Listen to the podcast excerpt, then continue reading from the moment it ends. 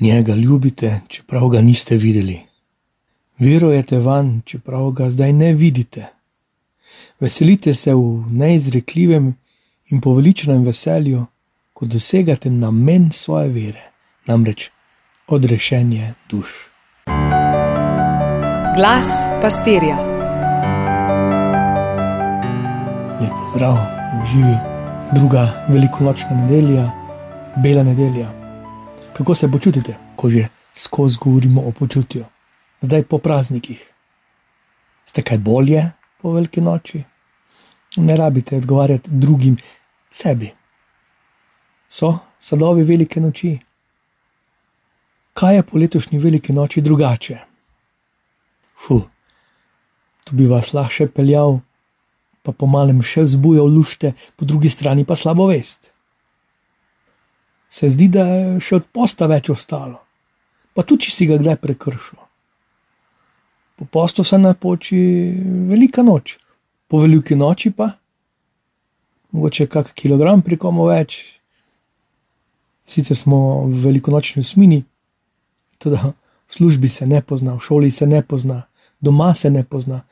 Pri postu se je vsaj malo poznalo, nek opomnik, neko zadovoljstvo v odpovedi, mogoče tudi nerazpoloženost, pa si vsaj vedel zakaj. Zdaj pa skoraj tako kot po kakšnih, recimo, duhovnih vajah ali kakšnem močnem romanju, naslednji dan praznina. Ali kot se nam je dogajalo po rađivih, animatorji po teh osmih intenzivnih dnevih, po vrsti zbolevali, pa voditelji. In postali tudi brezvoljni. Zdaj pa si predstavljate učence, kakšno intenzivno življenje je bilo to z Jezusom. Oni niso imeli Google koledarja, da bi pogledali, kaj se bo dogajalo prihodnji teden malo je ozdravljal, izganjal hudega duha, malo je hodil po vodi, se kregal s farizeji, um, obudil koga od mrtvih, mes pa jih učil, pa kregal. Za njih na nek način skozi stresne situacije. Učili so se zaupati mu, verjeti mu, da so potem lahko verjeli van. Še malo, čez 40 dni bomo praznovali v nebohod. Evangelist bo v tistem odlomku mimo grede omenil, nekateri pa niso verovali van.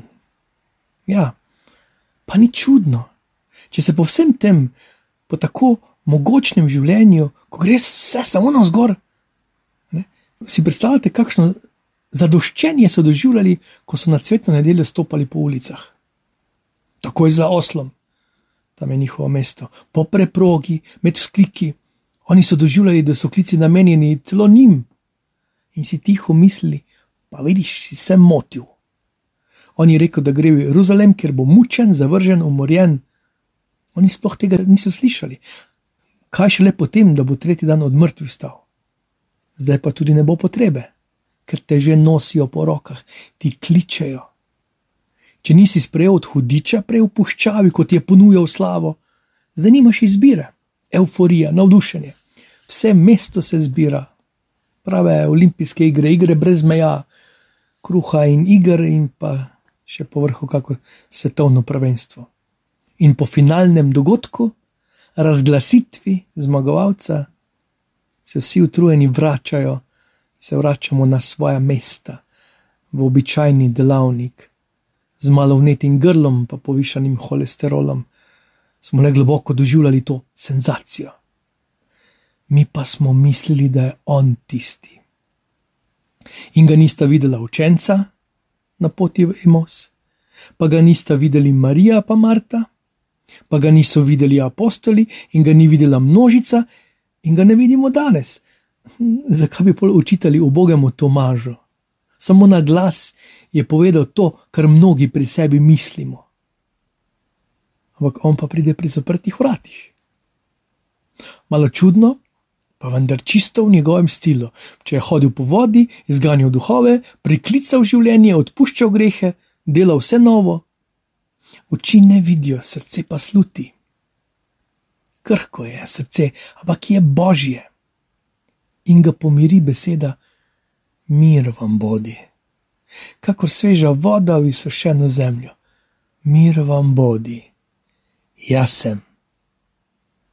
Pa res si ti. V prvem berilu slišimo že kasnejši odmev, ki pa se izjemno močno navezuje na ta današnji dogodek. Jezus tu izrecno zaključi: Bodi veren, veruj. Vera ni toleranca, vera ni sprejemanje, vera ni čakanje, da se nekaj zgodi.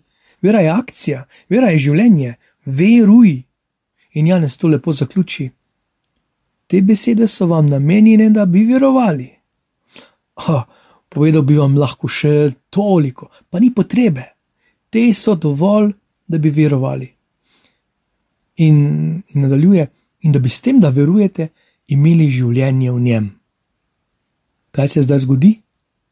Če evangelist preskoči nekaj dni, pravi čez osem dni, da še Tomaš zveruje, preskočimo mi pa recimo 80 let. In smo pri eh, prvem berilu, apostolska dela, prva krščanska skupnost, skupnost so, občestvo so, vzbujajo strah, ker se v njihovi prisotnosti dogajajo čudeži, ozdravljenja, spreobrnenja. Radi se imajo, pomagajo si, delijo si imetje, družijo se med seboj, skupaj molijo, skupaj lomijo kruh, torej imajo haristijo, enodušno se zbirajo v templju, torej ohranjajo tako judovsko tradicijo in jo prežarjajo z vero v Jezusa Kristusa. Pa imajo ljubezen med seboj in ljubezen do Boga. Po čem jih prepoznajo, hvalijo Boga in ljudje jih imajo radi. In na koncu skupnost raste. Nikaj. Peter v drugem berilu potrdi: Verujete van, čeprav ga niste videli, kakor bi govoril nam. In tako dosegate namen svoje vere, namreč odrešenje duš. To je namen vere. Odrešenje duš. Ko pogosto poslušam debate o veri in neveri, o tem, ali otroke vzgajati v veri ali ne, drugim pričavati ali ne.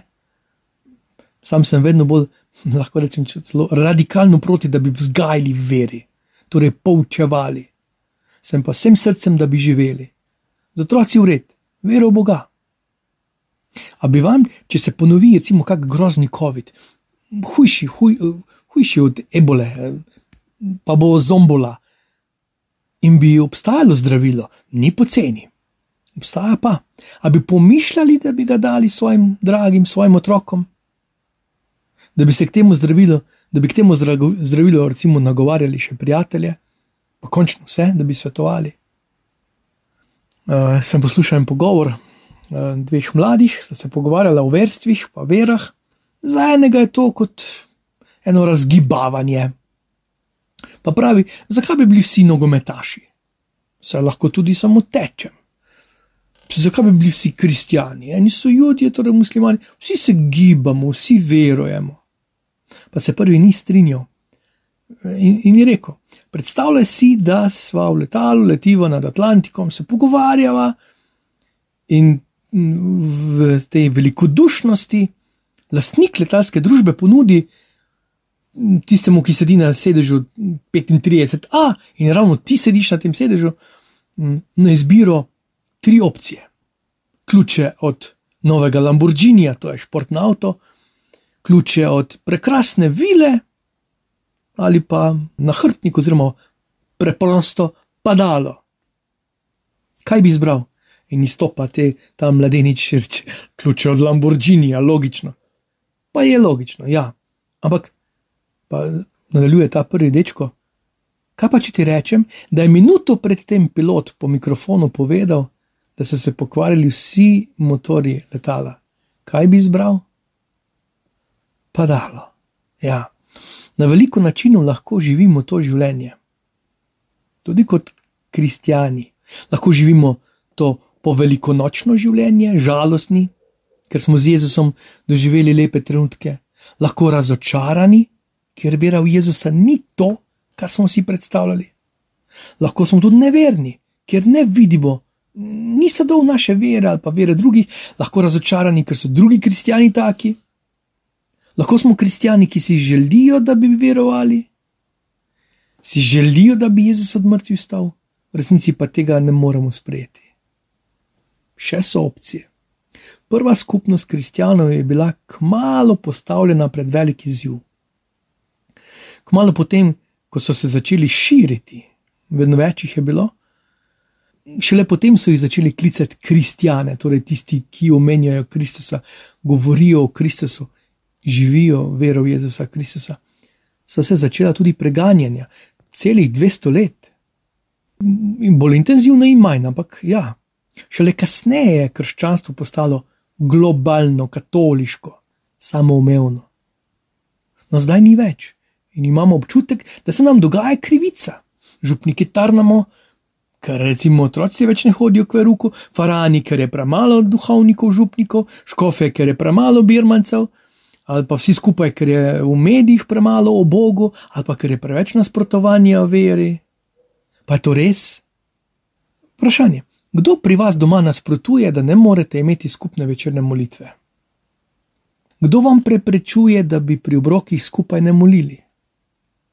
Kdo vam brani, da bi ne hodili poleg nedeljske maše, še vsaj enkrat na teden k maši? Katera avtoriteta ti preprečuje, da ne greš redno ali vsaj bolj pogosto k spovedi? Kdo vpliva na tvojo misel? da ne upaš, ne moreš ali tudi ne hočeš, torej nočeš biti božji človek. Tako daleč smo pripeljali krščanske pravice, da so že čisto brez Boga. Krščanske cerkve, krščanski nauk, krščanski obredi, pa se sploh ne rabiš biti veren. Zato pa Jezus pride pri zaprtih vratih. Ko pride v moj življenjski prostor, zaveje pomlad njegovega miru in on dihne vame. Iz prestrašenega postanem njegov, božji. Ne samo tisti, ki pasivno veruje, ker so me tako učili, ker se tako spodobi, ali pa za vsak slučaj, ampak verujem, ker hočem, verujem, ker sem ga doživel, ker želim, da bi vera vodila tako mene, kot moj dom, vod rešenje. Odpovem se Lamborghinijem in razkošnim vilam in krščanarstvu, svoje življenje izročam v roke živega Boga. S Tomažem, moj Gospod in moj Bog. Bog te živi, vse dobro.